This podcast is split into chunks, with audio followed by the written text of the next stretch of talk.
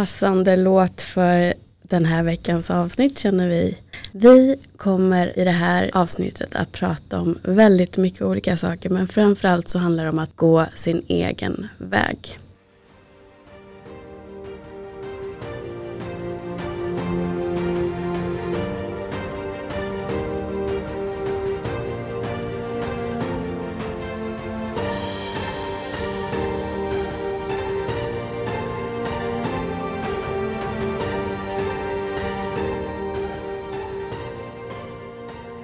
Välkommen tillbaka Sofie! Tack Helena och eh, vilken fantastisk låt för två Håkan Hellström-fan. Vi går vår egen väg. Precis. Jag ser verkligen fram emot att eh, prata idag. Um, och jag var med i avsnitt 49 uh, och fick höra att det var rekordhög eh, lyssnarsiffror för en icke-kändis. och, eh, och vi kanske började fråga varandra lite om hur kommer det sig? Och eh, jag vi tror att det behövs att kvinnor um, lyfter upp och pratar om saker och ting som, som um, kretsar kring skuld och skam uh, bakom fasaden. Uh, så som när jag pratade om uh, ADHD och även um, min beroendesjukdom och vi pratade också om eh, sex. Det gjorde mm. vi. Eh, att man kunde missbruka sex. Men idag kommer vi att prata om barnlängtan och att inte ha barnlängtan. Ja, och eh, vi kanske kommer använda lite olika begrepp för jag är van att använda de här medicinska termer eftersom att jag genomgår nu en IVF-behandling. Och eh, så ofrivillig barnlöshet mm. eh, kallas det för. Och eh, jag är ju lite grann i det andra hörnet om man ska uttrycka sig så. Och kommer också berätta om adoption och eh, att helt enkelt känna att jag vill inte ha barn.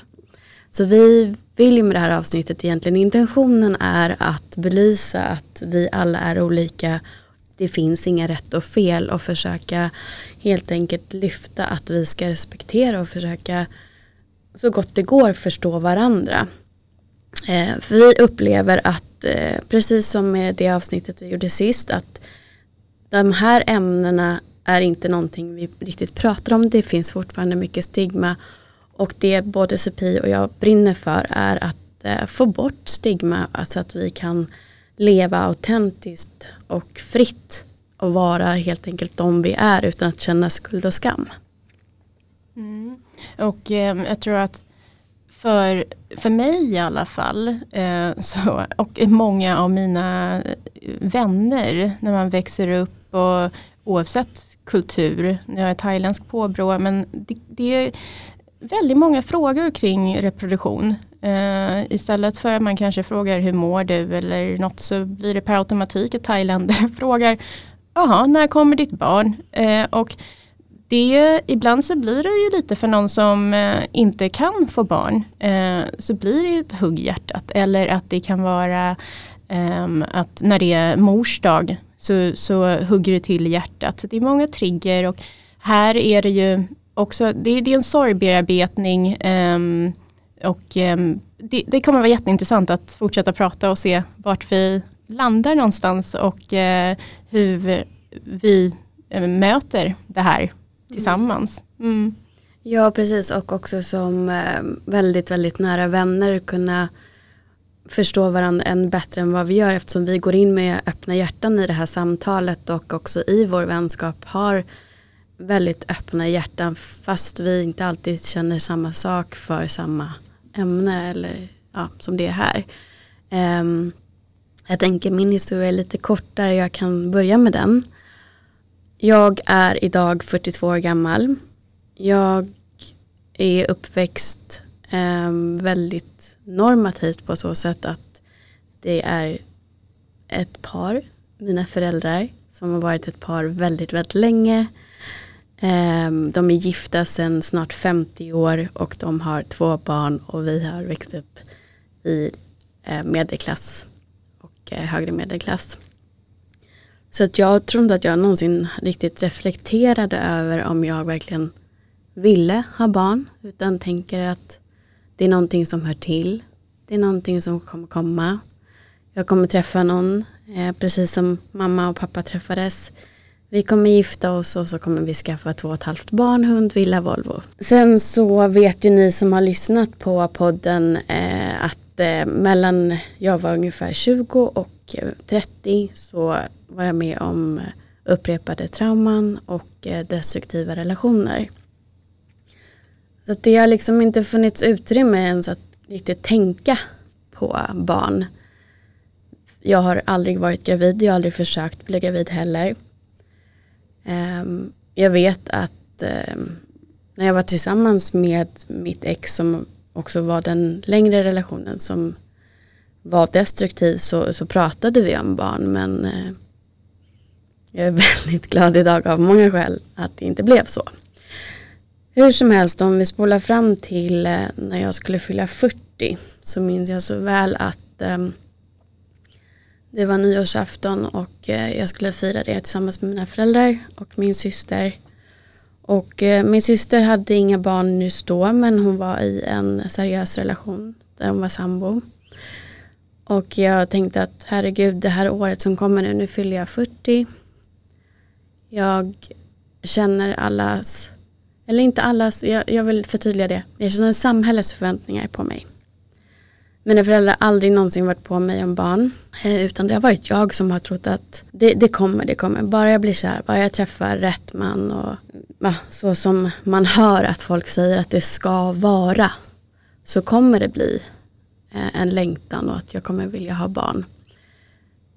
Men jag minns att jag stod i köket hos mina föräldrar och började gråta och min mamma stod och höll om mig och frågade vad det var jag grät över. Och jag sa att jag känner mig så misslyckad. För jag har inte en man, jag har inga barn. Och det är säkert det ni hoppas på. Och då sa hon att det enda vi hoppas på Helena det är att du är lycklig. Om det vad det sen innebär, det är upp till dig. Jag bestämde mig ändå för att jag ville på något sätt gardera mig mot att inte ångra mig om den här barnlängtan ändå kom någonstans. Så det jag gjorde var att påbörja en process för att få adoptera. Jag är själv adopterad och eh, min syster också. Och vår erfarenhet är väldigt fin. Ehm, jag vet att det finns de som inte har det och det är ett annat avsnitt. Det kommer vi inte ta upp i det här avsnittet. Så eh, jag påbörjade helt enkelt en utredning för att få adoptera. Och för de som är nyfikna på hur det går till och eh, kanske sugna på att göra det själva så är det man gör är att man får gå i samtal med eh, socialsekreterare. Eh, för att de ska utreda om du är lämplig helt enkelt. Och det kan man egentligen tänka varför gör man inte det alltid med människor som vill bli föräldrar. Mm. Men hur som helst, det är så det är därför att många av oss eh, adop adopterade har ju ändå påbörjat livet brokigt. Vi har blivit övergivna av olika anledningar. Eh, så att det är ungefär ett halvår du lägger på den här utredningen och du får också gå en utbildning tillsammans med andra. Och det var otroligt givande, även om jag upplevde att jag kanske hamnade lite i en roll där jag egentligen lärde de andra som ville adoptera hur det har varit för mig och mina känslor och åsikter utifrån det. Hur som helst så blev jag godkänd och är därmed fortfarande godkänd för att adoptera ett barn på egen hand. Och där började det kännas jobbigt. Mm. Eh, jag kände fortfarande inte mig säker på att det här var det jag ville. Mm. Är det det här jag är menad att göra. Vem är jag? Vad vill jag göra med mitt liv? Eh, och eh, jag ska säga, jag vet att jag fick frågan inför det här avsnittet av en lyssnare. Skulle du känna att du ville ha barn om du var i en seriös relation? Och jag förstår att frågan kommer upp. Jag kan säga att det har ingenting med saken att göra. Mm. Vill man hade jag velat 100% bli mamma, då hade ingenting stoppat mig. Mm. Den längtan en kvinna känner för, efter att bli mamma är så stark hos de som verkligen väljer att göra det genom adoption, IVF eller sånt som faktiskt innebär ganska mycket jobb både känslomässigt och fysiskt. Och pengar faktiskt. Mm. Så att eh, jag kan säga att coronan kom och jag ser också som lite ett tecken från universum att där fick jag stanna upp och verkligen tänka efter, vill jag det här? Och jag kände i hela kroppen, nej, mm. jag vill inte. Jag vet att hade jag fått ett barn hade hela min kärlek, min energi gått till det barnet. Och jag vill faktiskt inte det. Jag vill ha energi över till mig själv. Jag vill resa. Jag vill nå ut till människor. Jag vill hjälpa ett kollektivt mm. samhälle. Jag vill hjälpa många istället för att fokusera på en person. Och jag har ingen längtan efter att bli gravid. Det har jag aldrig haft kan jag säga. Jag har längtan efter att gifta mig mm. och hitta en livspartner och att göra den här resan med att hjälpa andra människor på det sätt som han vill göra och det sätt jag vill göra. Behöver inte vara tillsammans men resa och uppleva saker. Det är vad jag drömmer om. Jag drömmer inte om barn. Och jag har nämnt det här tidigare i ett avsnitt med Jessica Ekman i höstas. Men jag har inte pratat riktigt om det så mycket utåt.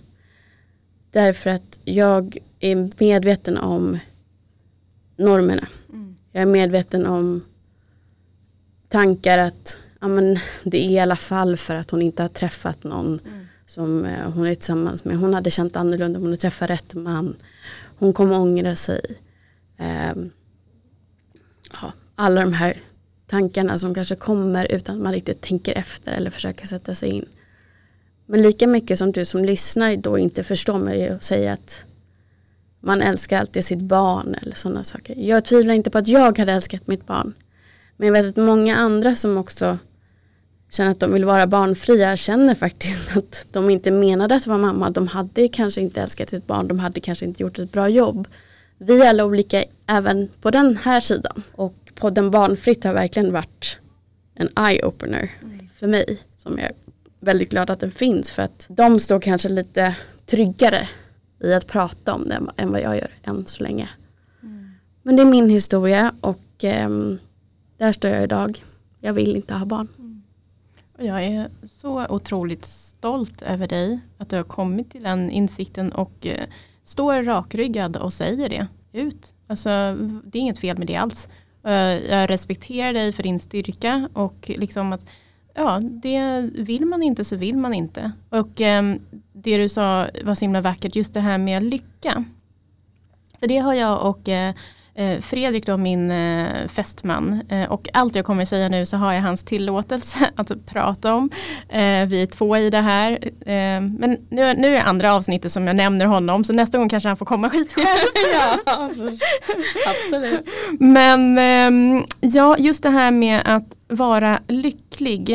Eh, det vi har sagt till varandra och det jag jobbat med väldigt mycket med mig själv också är att jag och vi lägger inte lycka i att om vi får vårt barn, vi vill inte grotta ner oss och lägga all lycka på det här. För blir det inte något barn så är vi lyckliga med varandra utan barn. Och eh, där har vi insett att för att det inte ska tära på vår relation, eh, att vara väldigt tydliga och öppen, öppna med varandra vad vi, vi vill. Eh, eftersom att Fredrik är ändå åtta år yngre än vad jag är. Och eh, när vi eh, började prata om just att skaffa barn så var jag väldigt öppen och ärlig med honom och sa att vill du ha en familj så kanske inte jag är den rätta kvinnan för dig ifall jag inte kan eh, bli gravid. Och eh, för honom så var det liksom att jag är inte redo att släppa taget om den här drömmen om att bli pappa när jag bara är i 30-årsåldern. Men är det någon jag inte kan skaffa barn med så är det med dig. Och jag tyckte att det var en fantastiskt vacker kärleksförklaring. Och eh, vi har i princip eh, försökt att skaffa barn eh, i ja, över ett år. Och eh, jag, kan, jag kan berätta lite vad, vad ofrivillig barnlöshet är, eller längtan efter barn. Då. Det är när eh, graviditet uteblir. Och det kan bland annat bero på eh, att eh, kvinnan till exempelvis har problem med ägglossningen. Eh, I mitt fall är det endometrios. Och eh, förändringar i äggledare eller i livmodern. Eller så har det med åldern att göra. Jag är nu 39 och fyller 40 nästa månad. Och kvinnor är mer, det är biologi, det är natur, liksom, eh, är mer fertila mellan 18 till 25. Och eh, efter 35 blir det faktiskt svårare att eh, bli med barn.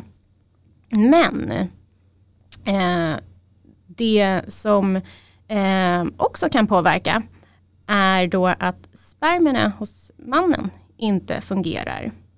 Och eh, i vårt fall så var det så. Eh, och det kom lite som en, en um, dödsbesked e, enligt Fredrik. För att det var någonting som vi inte hade räknat med. Det var, vi var så säkra på att det felet låg hos mig. Eh, och eh, efter många försök och efter många tablett och hormonbehandlingar så var det så här, nej det, det, det blev ingenting, vad kan det vara nu? Um, så det kan ju också vara att det inte ligger hos kvinnan. Och det här känner vi båda. Vi är väldigt öppna med vår um, beroendesjukdom. Han är en nykter alkoholist och jag eh, har varit tillfrisk, tillfrisknad um, båda två i över två år. Och vi känner att även det här behöver man prata om. Infertilitet hos män, inte bara hos kvinnor. Och det är ingenting skamligt. Vi måste normalisera det onormala och prata om det. Mm. Jag vill bara flika in en, en sak som min syster lärde mig just när vi pratade om att jag skulle ha det här ämnet. Um, hon är just nu gravid med sitt andra barn mm, och, är, och är ett år yngre än dig och hennes eh, man också. Eh, så de har också fått lära sig mycket om varför det kanske inte skulle bli graviditet och så vidare. Eh, och hon berättade för mig att runt 30% av fallen så ligger felet hos kvinnan, runt 30% hos mannen och sen också runt 30 hittar man faktiskt aldrig anledningen. Och så var det för mina föräldrar, de hittade aldrig någon anledning, nu är det här över 40 mm. år sedan men de har inte fått reda på varför de inte blev gravida. Mm. Så att det har alltid varit så men som med mycket så, så pratar man sällan kanske om just hormoner generellt och inte heller särskilt mycket om ens manliga eh, hormoner och reproduktionsorgan helt enkelt. Mm. Mm. Nej, men verkligen, det, det ligger verkligen så mycket skuld och skam eh, hos båda könen egentligen. Och det, man känner sig också så här, men gud det här är ju det naturligaste man skulle kunna göra. Mm. Reproducera och det finns så många barn i världen. Att du och jag sitter här och andas, vi är två mirakler. Alltså det, det när man väl djupdyker i det här eh, IVF och eh, provrörsbefruktning och hur det går till så blir jag verkligen fascinerad hur vetenskapen, hur långt det har gått och Ehm, hur ehm, privilegierad jag också är att bo i Sverige och kunna eh, att få bidrag och, och stöd för att ehm, kunna få hjälp med att skaffa barn. För det, vi har kollat själva att hade vi velat skaffa barn efter 40 då skulle det inte vara någon bidrag alls och eh, då skulle det kosta 96 000. Och man får då eh, tre försök och misslyckas man så får man tillbaka hälften av pengarna. Och det är mycket pengar, 96 000 kronor.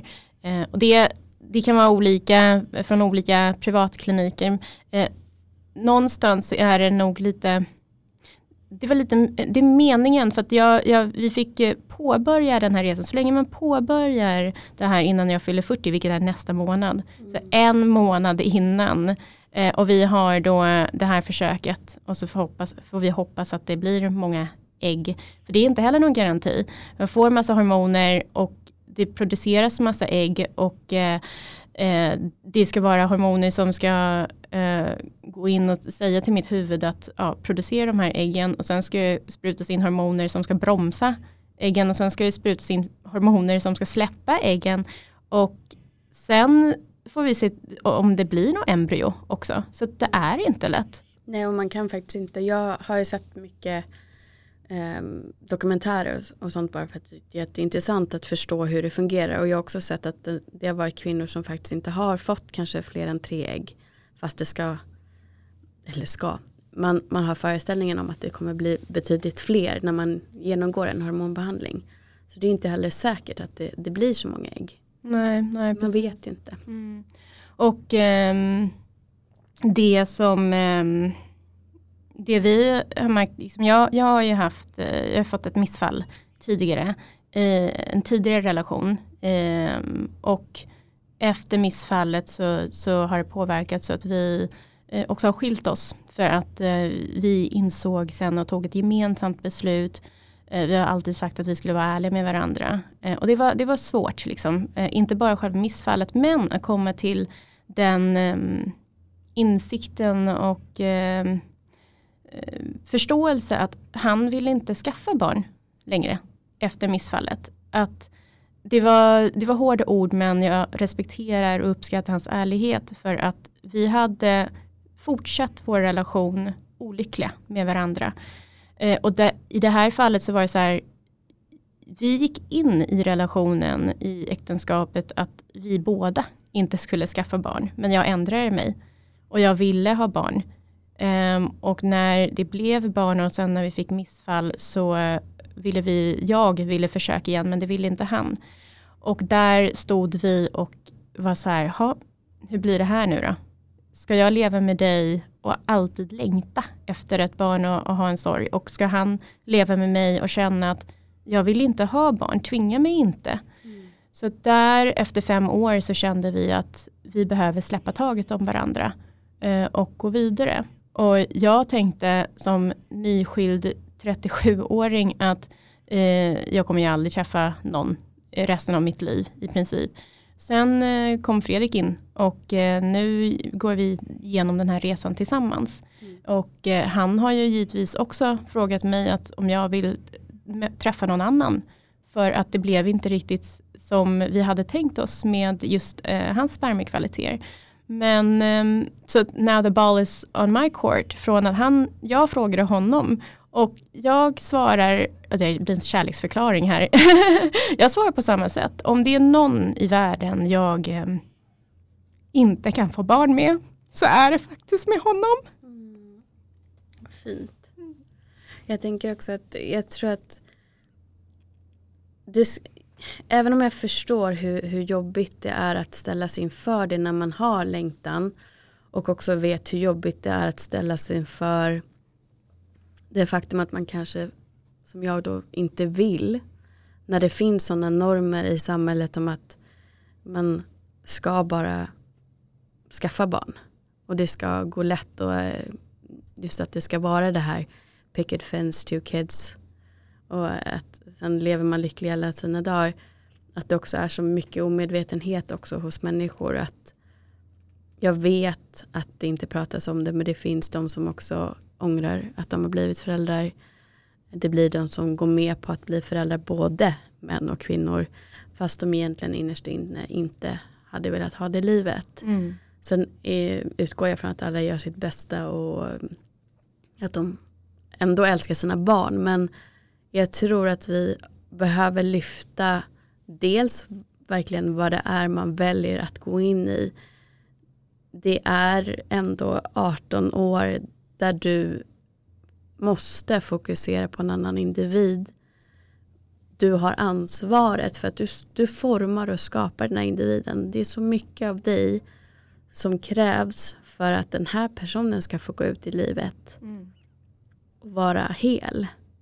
Och ehm, för att prata anknytning igen som jag har svårt att inte ta in i varenda avsnitt. Det är jättebra för jag så. tänkte också lämna det. så, så är det ju så att anknytningen börjar redan när man är ett foster i, i sin biologiska mammas mage.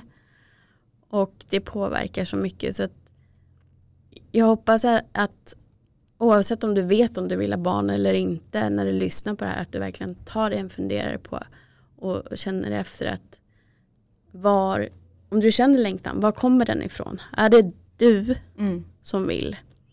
Och är du då villig att, om det nu inte vill sig, som det ofta är, även om du får missfall, även om du behöver genomgå IVF, även om du väljer att, du kanske vill ha barn men du vill inte bli gravid, att du väljer att adoptera, det är också en process som kan ta flera år och det innebär också mycket känslomässigt.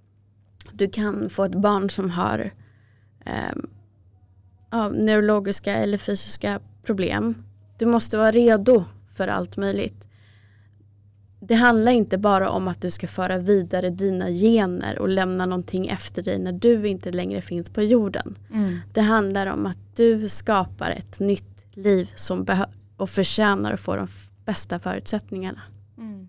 Ja, det, är, det är så bra sagt, för jag känner samma sak. att Jag har ju förstått eh, mer när jag ställer de här frågorna varför jag vill skaffa barn. Och eh, Eh, det finns ju en sån här five why method. Man ska fråga sig själv fem gånger varför, varför, varför tills man kommer till sin riktiga core why. Mm. Och jag har inte velat skaffa barn tidigare på grund av att jag också har känt att gud, det kommer, kommer jag kunna vara en bra mamma. Jag eh, är för, ehm, jag har inte jobbat tillräckligt mycket med mig själv och kände att det var så sånt stort ansvar.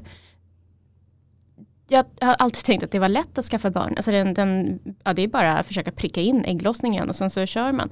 Det är lätt att eh, skaffa barn men man måste också uppfostra barn. Man måste också, för mig är det så oerhört viktigt att inte föra vidare mina anknytningsmönster.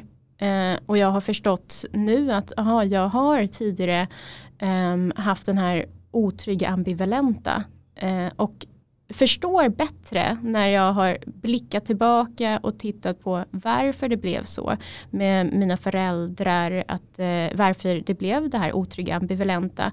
Men även förlåtit. Jag har varit så mycket, eh, så mycket ilska och känt att jag har varit sån svek.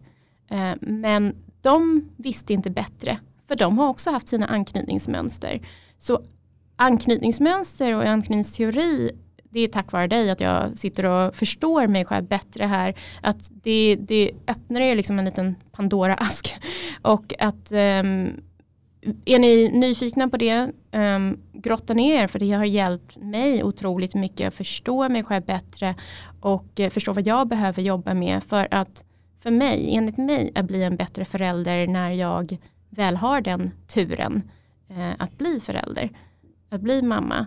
Um, men för mig har det också varit så här att det är viktigt att det inte ska vara en minimi utan jag vill vara en, en bra förebild till mitt barn. Jag vill um, eh, verkligen känna att jag tar mitt ansvar eh, för liksom, varför, varför jag vill skaffa barn, inte bara för att skaffa barn.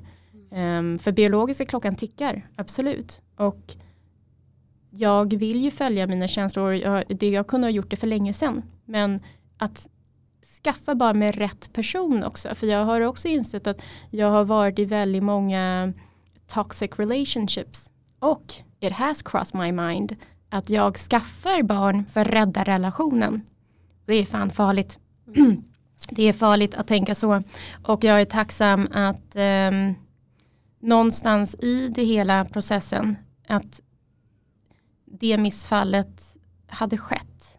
Um, att det inte blev för att jag fick en klarhet. Jag visste vad jag, jag ville. För att hade det blivit barn då så skulle det inte vara en, en sund, sund relation med jag och pappan med, och vi skulle ha påverkat vårt barn på ett negativt sätt. Så någonstans, universe, så blev det faktiskt, det var meningen att det skulle bli så.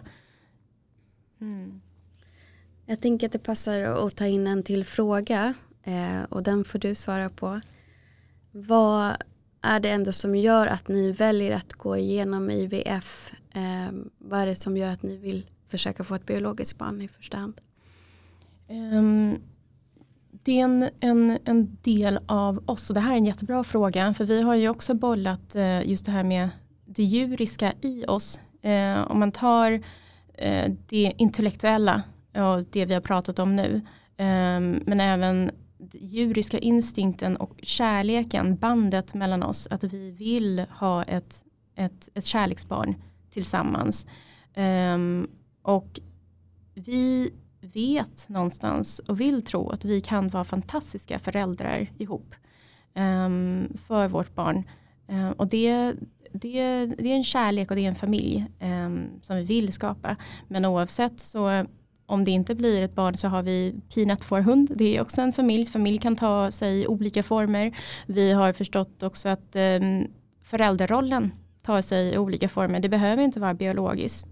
Um, och även det, det, är ju en sjukt jobbig process. Um, inte bara fysiskt men också känslomässigt. Jag hatar nålar. Alltså det är verkligen, jag hatar nålar. Jag har fobi för nålar och jag måste sticka mig själv. Eller det är inte jag som sticker mig själv men det är Fredrik som hjälper mig. Mm. Varje dag. Så hela min, min mage är ju som en sån här slagfält i princip. Det är jobbiga nätter. Eh, och så blir man väldigt trött av hormonerna. Och någonstans så i varje spruta, i varje stick, i varje smärta så finns det en, en längtan, en hopp, en gnista av hopp. Så att vi lever ju just nu på hopp och um, uh, drömmen om framtiden. Men någonstans så blir vi också, ja, när väl... Men varför är det så viktigt att bära ett barn? Att när det finns andra barn eh, mm. som du skulle kunna känna samma kärlek för? Um, för att vara helt ärlig så nu vet jag inte om jag kommer känna samma kärlek för barn och det kanske låter hemskt. Jag, ja, det gör man. Ja, jag, jag, jag kan tänka mig, jag, absolut jag kan tänka mig. Jag, jag vet ju att jag, jag slåss mellan mitt ego och, och mina känslor och min själ. Eh, jag har liksom tänkt i samma sam, och, och, vissa kanske tycker så här, gud vad fan är det hon säger. Men nej, nej, nu ska det är vi, därför, vi, ja, därför jag ställer frågan, för vi behöver prata um, Och för mig så har det ju varit så att vi har velat skaffa barn och, och inte vetat om vi har kunnat. Så att, um, vi har ju adopterat till exempel en, en, pinat en hund istället för att uh, köpa en valp. Och känna också att så här, kommer jag, kommer jag älska den här hunden för att den kom i en vuxenstorlek och inte en liten valp? Men ja, det gör jag. Och någonstans så tror jag också att man, det kanske låter märkligt och konstigt att jag jämför den på det sättet. Men att skaffa barn är en sån stor, stort steg, stort ansvar. It's there, you can't regret it. Skaffar du en hund så är det en annan. Och jag tror att det är där också, testa att skaffa kanske, ta hand om en växt, ta hand om en hund. Se om du klarar av det, ta hand om en liten hamster. Se om du, för att, så att det inte blir det här att man skaffar och sen så ångrar man sig. För det kan man ju faktiskt göra. Um, och för mig är barnlängtan um, om, jag är ju uppe i 40-årsåldern också så att um, efter 45 kommer jag inte kunna köra IVF längre i Sverige men utomlands ska man kunna göra det. Uh, att adoptera, jag har för lite kunskap när det gäller adoption men jag har bara scratchat lite på ytan att um, skulle jag vilja adoptera till exempel barn från Thailand um, så uh, är det en väldigt lång, uh, lång kö, lång process och att jag då får eh, ett barn som är kanske lite äldre på grund av min ålder. Jag kan ha fel, det kan vara olika eh, saker men i alla fall det som jag har eh, utforskat. Men längtan att bära mitt barn oavsett om det är donation, eh, äggdonation eller spermadonation. Eh, jag tror att det, det, det är någon instinkt som finns i mig. Så man kan säga att det jag hör egentligen att det du längtar mest efter är att bära ditt barn. Det är inte det att det ska vara en miniversion av dig och Fredrik utan det är att du längtar efter att bära barnet. Mm. Och det kan man ju inte göra om man adopterar. Så det tycker jag är bra att vara förtydliga. Mm. Ehm, för er som eh, inte känner så eller bara är nyfikna kan, kan jag tala om eftersom jag har gått igenom den här adoptionsprocessen eh, även om jag valde att avsluta den så det som gäller just nu i Sverige är att de har tagit bort den övre åldersgränsen. Mm. Ehm, däremot har inte länderna. Så utlandsadoption har, ja, beroende på vilket land det gäller egentligen, olika regler. Eh, många har att du ska påbörja processen vid en viss ålder. Eh, och ofta så ligger det runt 40 att du ska liksom vara godkänd och, och börja skicka in ansökning till landet. senast då. Men eh, sen finns det ju de som till exempel har andra regler om du själv har anknytning till det landet. Mm. Dels så går det ofta fortare för att det betraktas som en inhemsk adoption. Eh, alltså att det är samma land. Så hade det varit för mig om jag hade adopterat från Colombia om jag hade fått ha kvar mitt medborgarskap till exempel. Då hade jag satt den kön som om jag, red, om jag fortfarande hade bott där. Um, så att, och ditt beslut som du får i Sverige gäller i tre år. Så du har tre år på dig att skicka vidare ansökan och, och komplettera det som eventuellt ska kompletteras för att sen skicka vidare till det landet. Det är lättare att adoptera, det vill säga lättare på så sätt att du kan få ett barn fortare.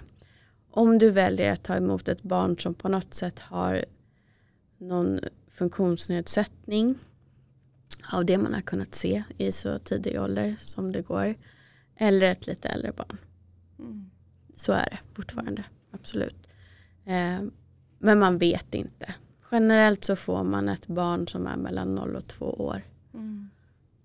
Men eh, det är olika. Och så är det olika. Eh, det jag var inställd på till exempel när jag fortfarande trodde att jag ville adoptera var att jag ville inte ha det här spädbarnet. Mm. Jag tyckte det verkade jätteslitigt. Mm. Um, och särskilt då som ensamstående. Men det är ju slitigt oavsett. Och det är många par som inte heller riktigt är insatta i vilken, vilka slitningar det blir i relationen mm. under de åren. Um, så att, men uh, vill man så, så tycker jag absolut att man ska utforska och sätta sig in lite mer i, i adoption. Och jag bara citerar min mamma och sa att de, det ögonblicket som jag fick dig i min famn, det här var min tjej. Jag kommer göra allt för dig. Och den kärleken var exakt lika stark och exakt lika dan som om hon hade fött mig. Så hon är ju lite, um, hon förstår inte hur man inte kan se det så. Mm, mm. Men det är hon. Mm. Och hon får känna så, precis som att någon annan kan känna att nej men för mig är det viktigt att bära mitt barn och föda fram det. Jag tror att det är också um, för mig eftersom att I've never done this before. Och säkert som din mamma också att eh, det är verkligen, vi är verkligen individer. Och ehm, det var en jättebra fråga du ställde för att man, jag tror att man behöver verkligen ställa den frågan varför? Är det samhällets påtryckningar? Är det, är det liksom att föröka sig? Är det liksom att ibland i alltså vissa asiatiska kulturer, många kulturer att man ska skaffa pojkar, du vet sådana saker. Um, för mig har den här längtan efter barn, um, bära ett eget barn och, och, och, göra ett nytt försök efter missfallet. Um, då, och det här var ju ändå tre, fyra år sedan och det är en sorg som jag fortfarande bär på. Um, och att släppa taget har nog varit det, det svåraste. Uh, och det är vanligt, det, det förekommer att kvinnor uh, får missfall. Var tredje graviditet. Var tredje, precis, precis. Det var svårt att låta den faktan sjunka in när man väl var eh, där och det första, första gången man var gravid. Men jag tror att oavsett hur många gånger det är ett hopp som försvinner. Och för mig så var det just det här med att hålla ett barn i famnen. För just efter missfallet så eh, själva aborten eh, var så traumatisk. Eh, och vi, eh, vi var och kollade, gjorde ultraljud och kollade, och såg hjärtat slå i vecka sex. Och eh, sen nästa eh, veckan därpå skulle det vara vecka sju och det var på alla hjärtans dag och vi tänkte det här kommer vara jätteromantiskt, att se hjärtat slå. Men så såg eh, vi redan på, på, på barnmorskans ansiktsuttryck att nej, det här ser inte bra ut. Och det sjönk inte riktigt in eh, att vadå, finns inte fostret kvar? Har hjärtat slutat slå? Har min kropp stöttat bort det här för att det inte är liksom tillräckligt frisk? Det var bara en, en dimma. Och, eh, och så sa han att ja, men, Eh, det är så tidigt så att du får köra en sån här hemmabort, eh, ta piller och det kommer kännas som eh, mensvärk. Och jag har tänkt, eh, det är en manlig doktor. och så tänkte jag, vad vet han om mensvärk? Men om han säger att det känns som mensvärk så känner det väl som mensvärk. Och jag har eh, som sagt endometrios och eh, mina mensvärk är, är från helvete. Alltså att varje månad är det jobbigt, alltså verkligen från helvete. Min bror brukar alltid säga, så här, men vadå det är bara mensvärk. Och jag bara, men hör du Suti, om du eh, föreställer dig att du har en alien i dina pungkulor som tuggar inifrån. Och då var han så här, okej okay, okej okay, jag fattar. Men eh, hur som helst så, så tog jag de här pillerna och eh, det var no return. Alltså det är verkligen en, en, en no return nu. Och jag fick eh, allergisk reaktion, mina händer blev jätteröda och jag fick lite panik faktiskt. Att vad fan är det som händer här? Och sen satte det igång. Och det var en 12 timmars lång process. Eh, och det var inte mensvärk. Det var verkligen kryssningsverk. Och jag har pratat med andra kvinnor som har tagit de här tabletterna och att de var så här, shit alltså det är kryssningsverk. Så det var första gången som jag verkligen kände så här, är det, är det så här det känns för varje kvinna att, att föda ett barn? Och hormonerna kickar igång, um, den här modersinstinkten att trycka ut någonting som inte fanns där. Att sen, att sen ja, jag märkte att jag letade efter någonting som skulle komma ut som inte kom ut. Alltså det, var, det var en jättemärklig eh, hormoner och, och, och modersinstinkt som bara tog över mig. Och, och under tiden som jag skulle, alltså det var sån smärta från den här sorgen och kärleken till att jag inte ville jag ville, ville hålla kvar, jag ville inte trycka ut det här ofödda, döda fostret så var det sån ilska. Det var sånt hat, aldrig varit där tidigare. Där jag bara så här, kom ut där din jävla parasit. Och det var, det var verkligen så hemskt att något man kunde älska så mycket som man kunde alldeles plötsligt hata så mycket. Um, och vi visste inte riktigt hur vi skulle hantera den sorgen. Det blev en eh, tystnadskultur i relationen. Alltså det vi visste inte riktigt um, hur vi skulle möta varandra. Den ena var ambivalent, den andra var undvikande. Um, vi la locket på. Att det, och att inte prata om det försvann inte. Mm. Jag insåg att jag behövde prata om det, jag behövde bearbeta.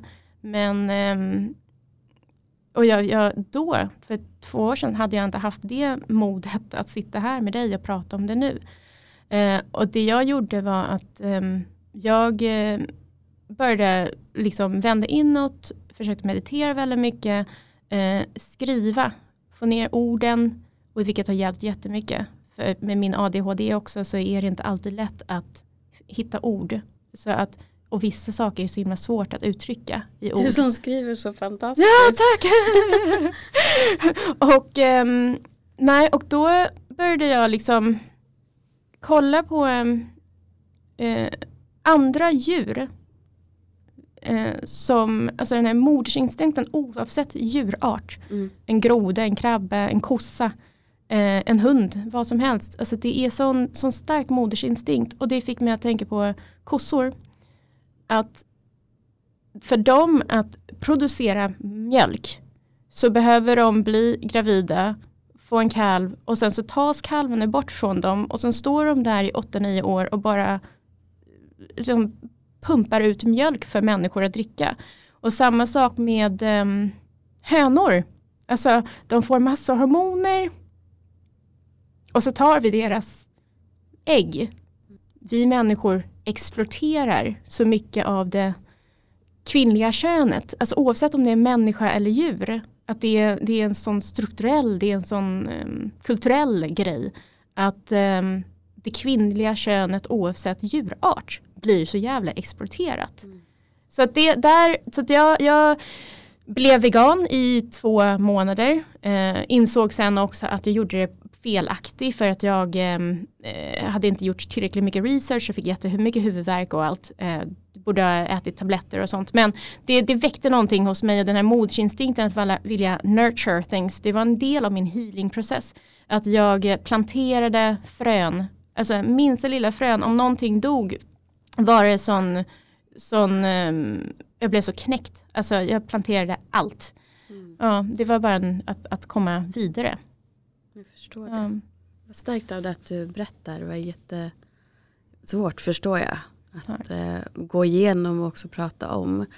Um, men det är ju det, är det vi brinner för att göra det ändå. Mm. Och um, jag tycker att det är så intressant ämne och jag kan ju säga att det här att känslan att vilja ta hand om nurture, det känner jag också. Även om jag inte vill ha ett barn. Mm. Um, och där tycker jag att det är så intressant att det, ändå, det är svårt att, att riktigt förstå varandra och därför också så viktigt att prata om. För där skiljer jag mig också från de som verkligen inte känner det alls. Och hur det då biologiskt kan hänga upp det är också en helt annan historia. Men jag bara tänker att gud vad intressant Mm. hur allting blir och vilk, vad mycket vi kvinnor faktiskt ändå utsätts för. Um, oavsett om det är så att vi gör, gör det för att vi vill bli gravida eller att vi utsätts för hur normen ser ut att vi ska vilja. Vi ska bara känna den här biologiska klockan och, och vilja, vilja föda och fostra barn. Mm. Att det, det är så mycket som man inte tänker som, som påverkas också. Och hormoner känner jag, det måste vi prata mer om längre fram också. Mm, mm, men verkligen och, och just det här med hormoner. ehm, att få alltså PMS och mens och allt det där och jag tänker så här, oh, gud, när jag var yngre, varje gång jag fick mens så var det, ah, vad härligt, nu är inte jag gravid, det blir fest igen, allt liksom. Um, men nu under den här perioden när vi försöker, varje gång jag får mens så blir det som ett som min kropp sviker mig, som att det, det blir en sån ehm, en besvikelse. Och när jag vet också att tiden tickar på, för varje månad är det mindre och mindre chans att vi faktiskt blir gravida. Um, men just det här med hormoner, nu när jag har gått igenom den här resan och det var en um, ofrivillig um, abort uh, av, uh, på grund av missfall. Men jag tror att i varje kvinna så finns det den här eh, uh, modersinstinkten som man inte riktigt Alltså, och när man tänker på hormoner, viljan är en annan grej, känslan att inte vilja ha barn är en annan grej. Men den här biologiska klockan, hormonerna, eh, vissa kanske är starkare än andra. Mm.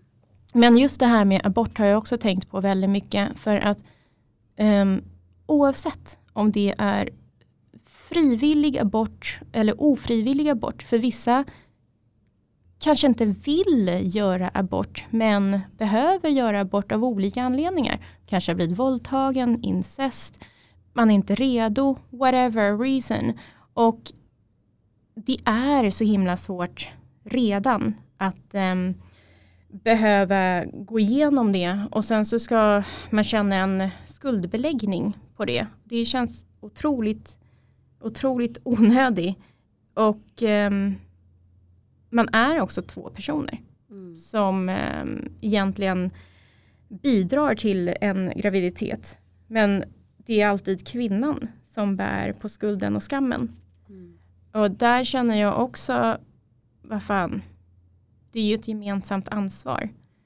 Och sen är det ju också, vissa kulturer så är det ju religiösa skäl, att det är en synd att göra abort. Mm. Um, och återigen så känns det som att man inte lyssnar på kvinnan. Nej, och därför tänker man ju inte heller på barnet.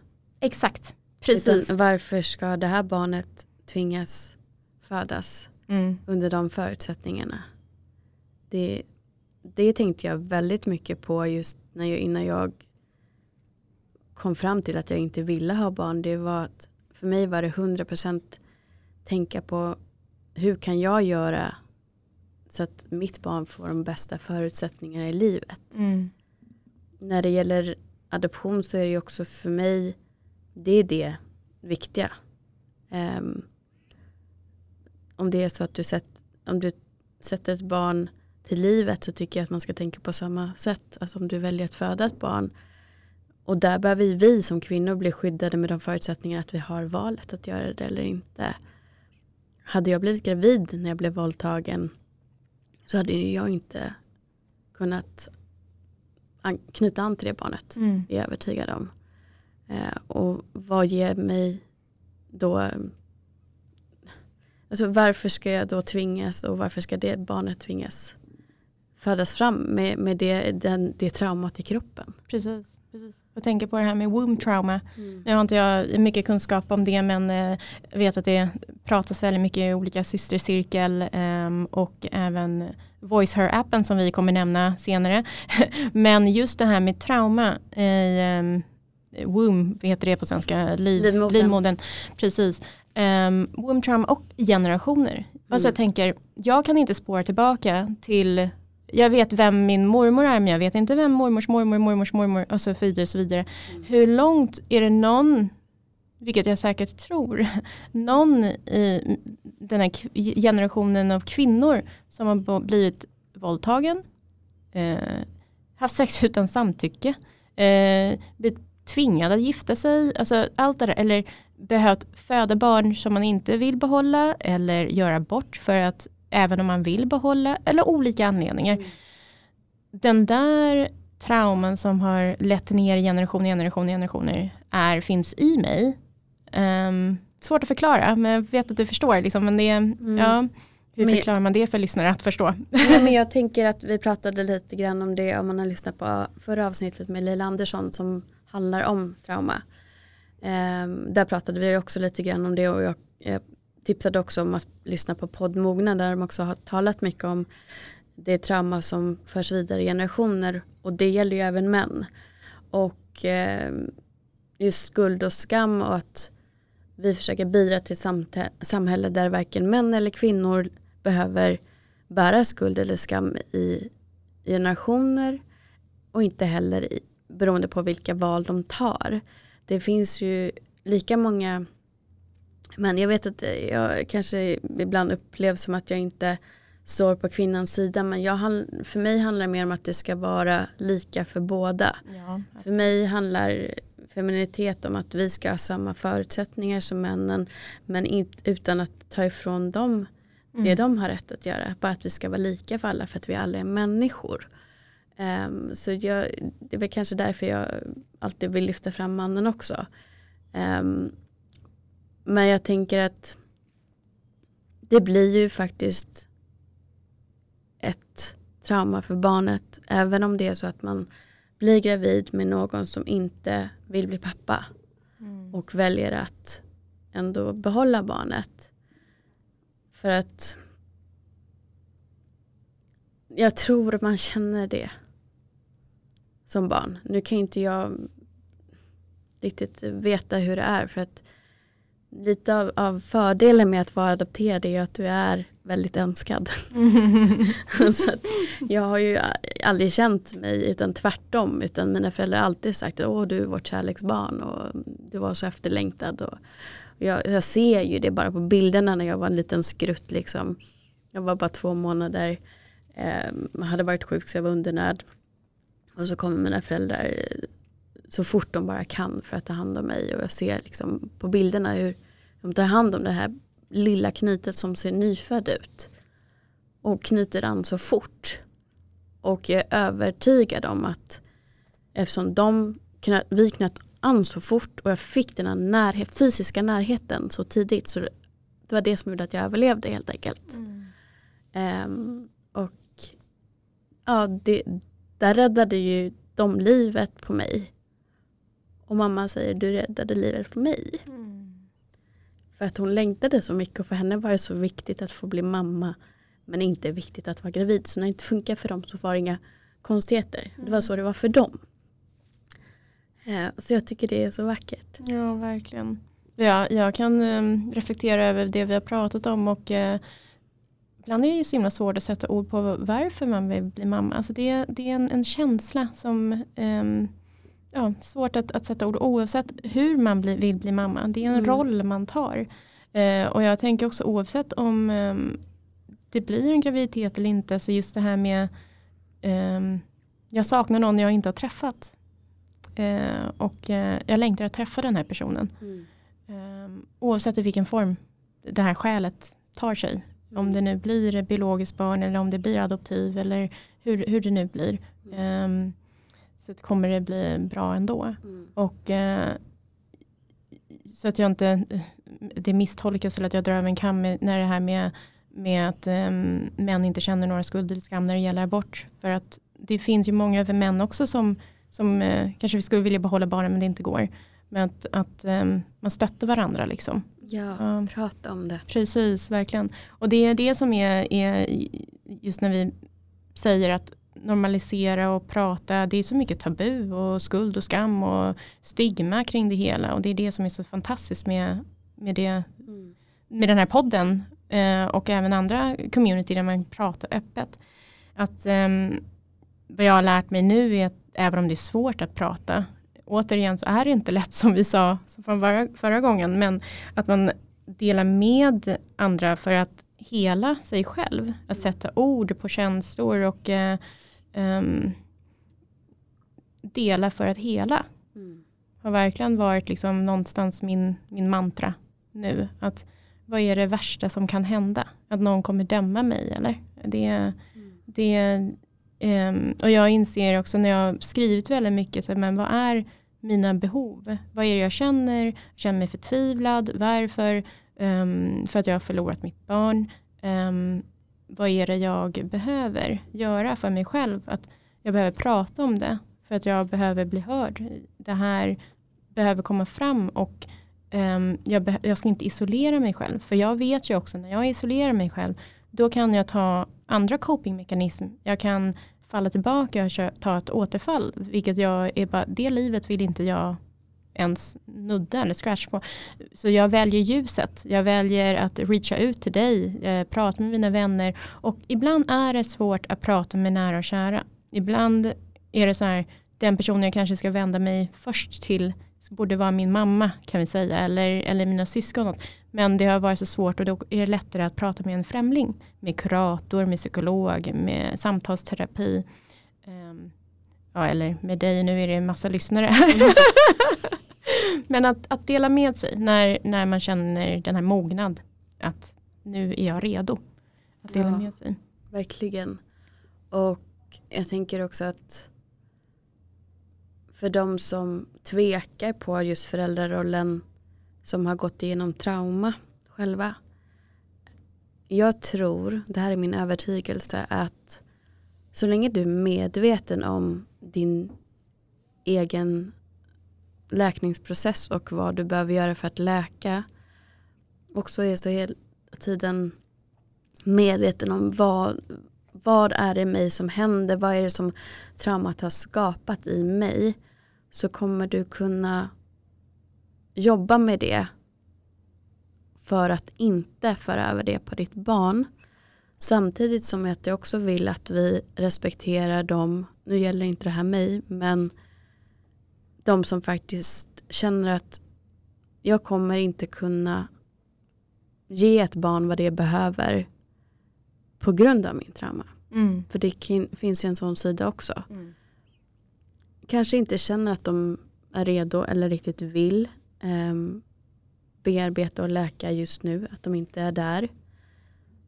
Men tänk på det Mm. innan du väljer att ta ansvar för en annan individ. Så att oavsett vad ditt val är så har du det i åtanke.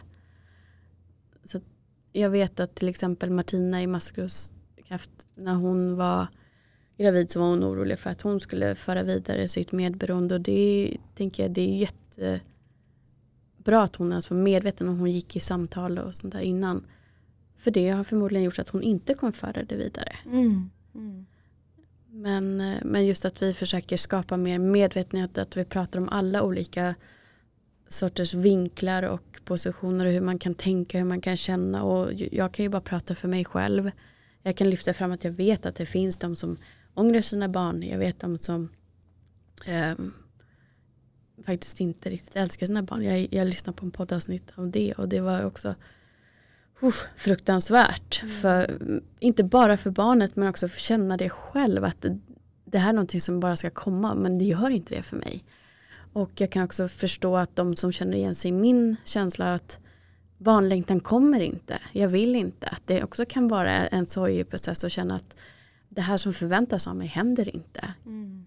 Precis som att det kan vara en sorgeprocess av att inte bli gravid. För att det också finns en samhällsnorm och en förväntan att det ska bara ske. Mm. Och för män då att de bara ska kunna producera och, och att allting ska fungera med deras reproduktion. Att det också finns en sorg där. Att vi försöker vara varsamma och, och, tänka på varandra och inte bara kasta ut oss frågor eller anta saker eller tänka att nej men hon eh, har inga barn bara för att hon är singel eller hon har inga barn för att um, hon satsar bara på karriären men träffar hon bara rätt man. Tänk ett steg till, var, var liksom öppenhjärtad, öppensinnad mm. och tänk att du vet inte, du kan ställa frågan på ett fint sätt. Hur kommer det sig att du inte har barn? Mm. Eller, istället för att bara anta att, du, att det är någonting som du känner är fel för att det inte är precis som du kanske känner själv eller hur normen säger. Mm. För att vi är alla olika, vi är alla individer. Och bara för det ena utesluter inte det andra. Man kan känna jättemycket kärlek för barn i sin närhet och jag vet många med mig som har valt att inte skaffa barn har väldigt nära relationer till barn i ens familj. Inklusive jag själv. Mm. Um, så det behöver inte betyda, betyda att man hatar barn heller. Vilket också är common misconception. ja, det, det finns det. Jag älskar inte alla barn, det gör jag inte. Jag ja, det inte... är lite andras ungar och sen ens egna barn. Det finns de mm. som känner så också. Mm. Så att, eh, ja, vi, vi, är olika och det, det är det vi försöker lyfta fram här. Och jag tycker att det är lite nervöst att, att prata så öppet om det därför att jag vet att de gånger jag har lagt ut någonting på Instagram så tappar jag följare direkt. Mm, mm. Men då är inte... Men då ska inte de vara där. Precis, exakt, exakt. Ja. Nej men jag tänker också att um, precis som du säger och, och även vara redo för svaren. För att om du ställer en fråga till mig varför skaffar inte du barn och jag väljer att vara ärlig och säga att jag kan inte få barn. Då märker jag också att den som frågar blir lite, shit jag vet inte riktigt vad jag ska eh, säga men ja, välj ord med omsorg och för mig som nu har jag kommit till den punkten att jag känner att jag kan prata öppet om det. Men innan var det inte det och för många är det fan svårt. Man går runt och bär på en sorg, man går runt och bär på liksom en skuld och skam och det kan vara trigger överallt, att man ser gravida, mag, äh, gravida kvinnor och barnvagnar och allt möjligt vart man än vänder. Um, nu kan jag känna en, en, en, en lycka för alla kvinnor som, som blir gravida efter en barnlängtan. Tidigare gjorde jag inte det. Då, då var jag bitter. Då var jag mm. så här, fan vad orättvist livet är.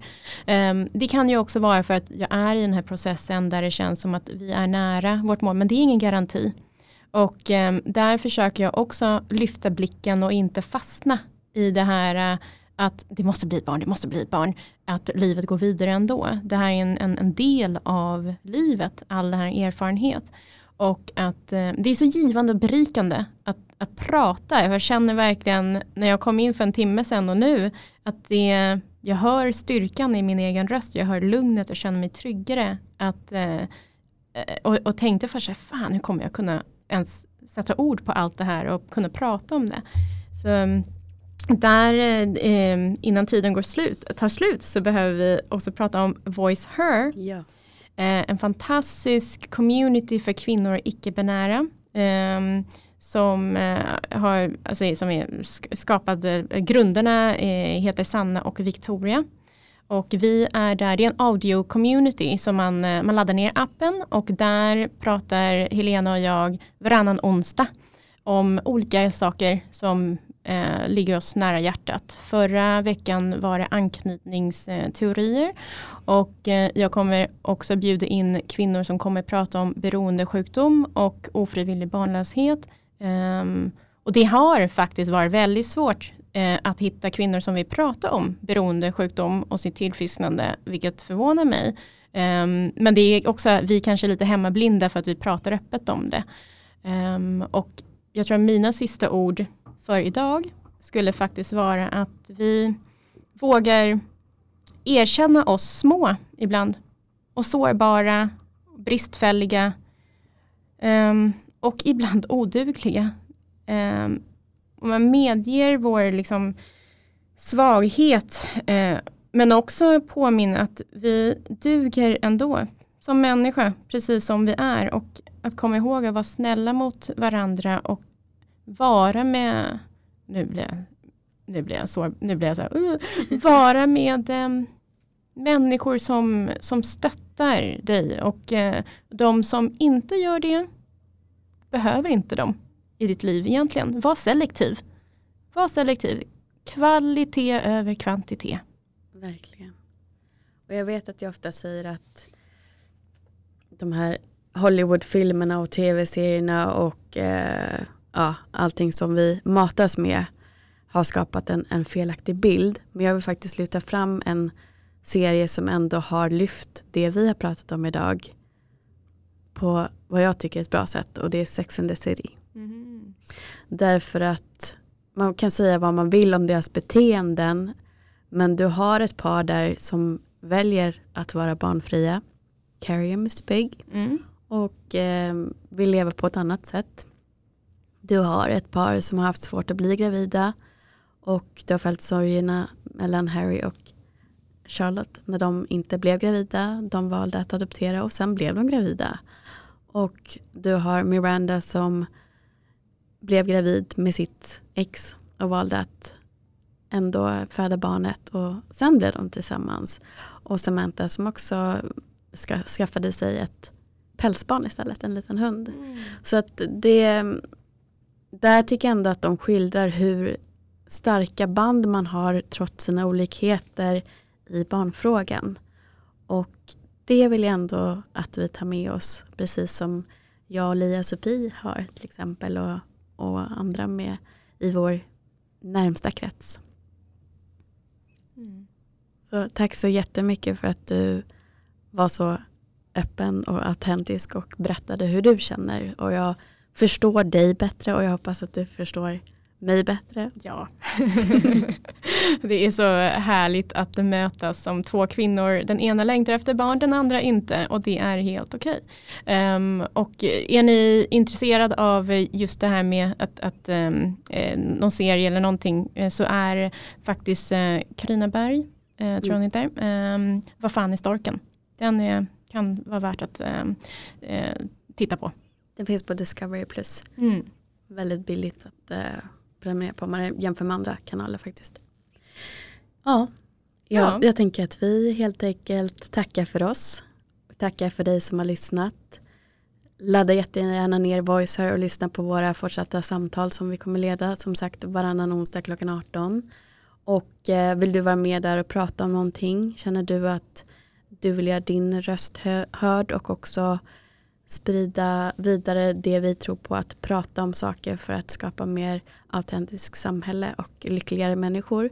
Så hör av dig antingen till Sofie eller mig. Jag kommer lägga ner våra eh, handles på eh, beskrivningen till det här avsnittet. Så kika där, kolla på Instagram, bakom fasaden podden och eh, är det Lemon Crazy? Det är Lemon Crazy. som ni kan söka efter där också. Så tills vi hörs nästa gång. Tack Sofie, tack dig som har lyssnat och eh, ta hand om er.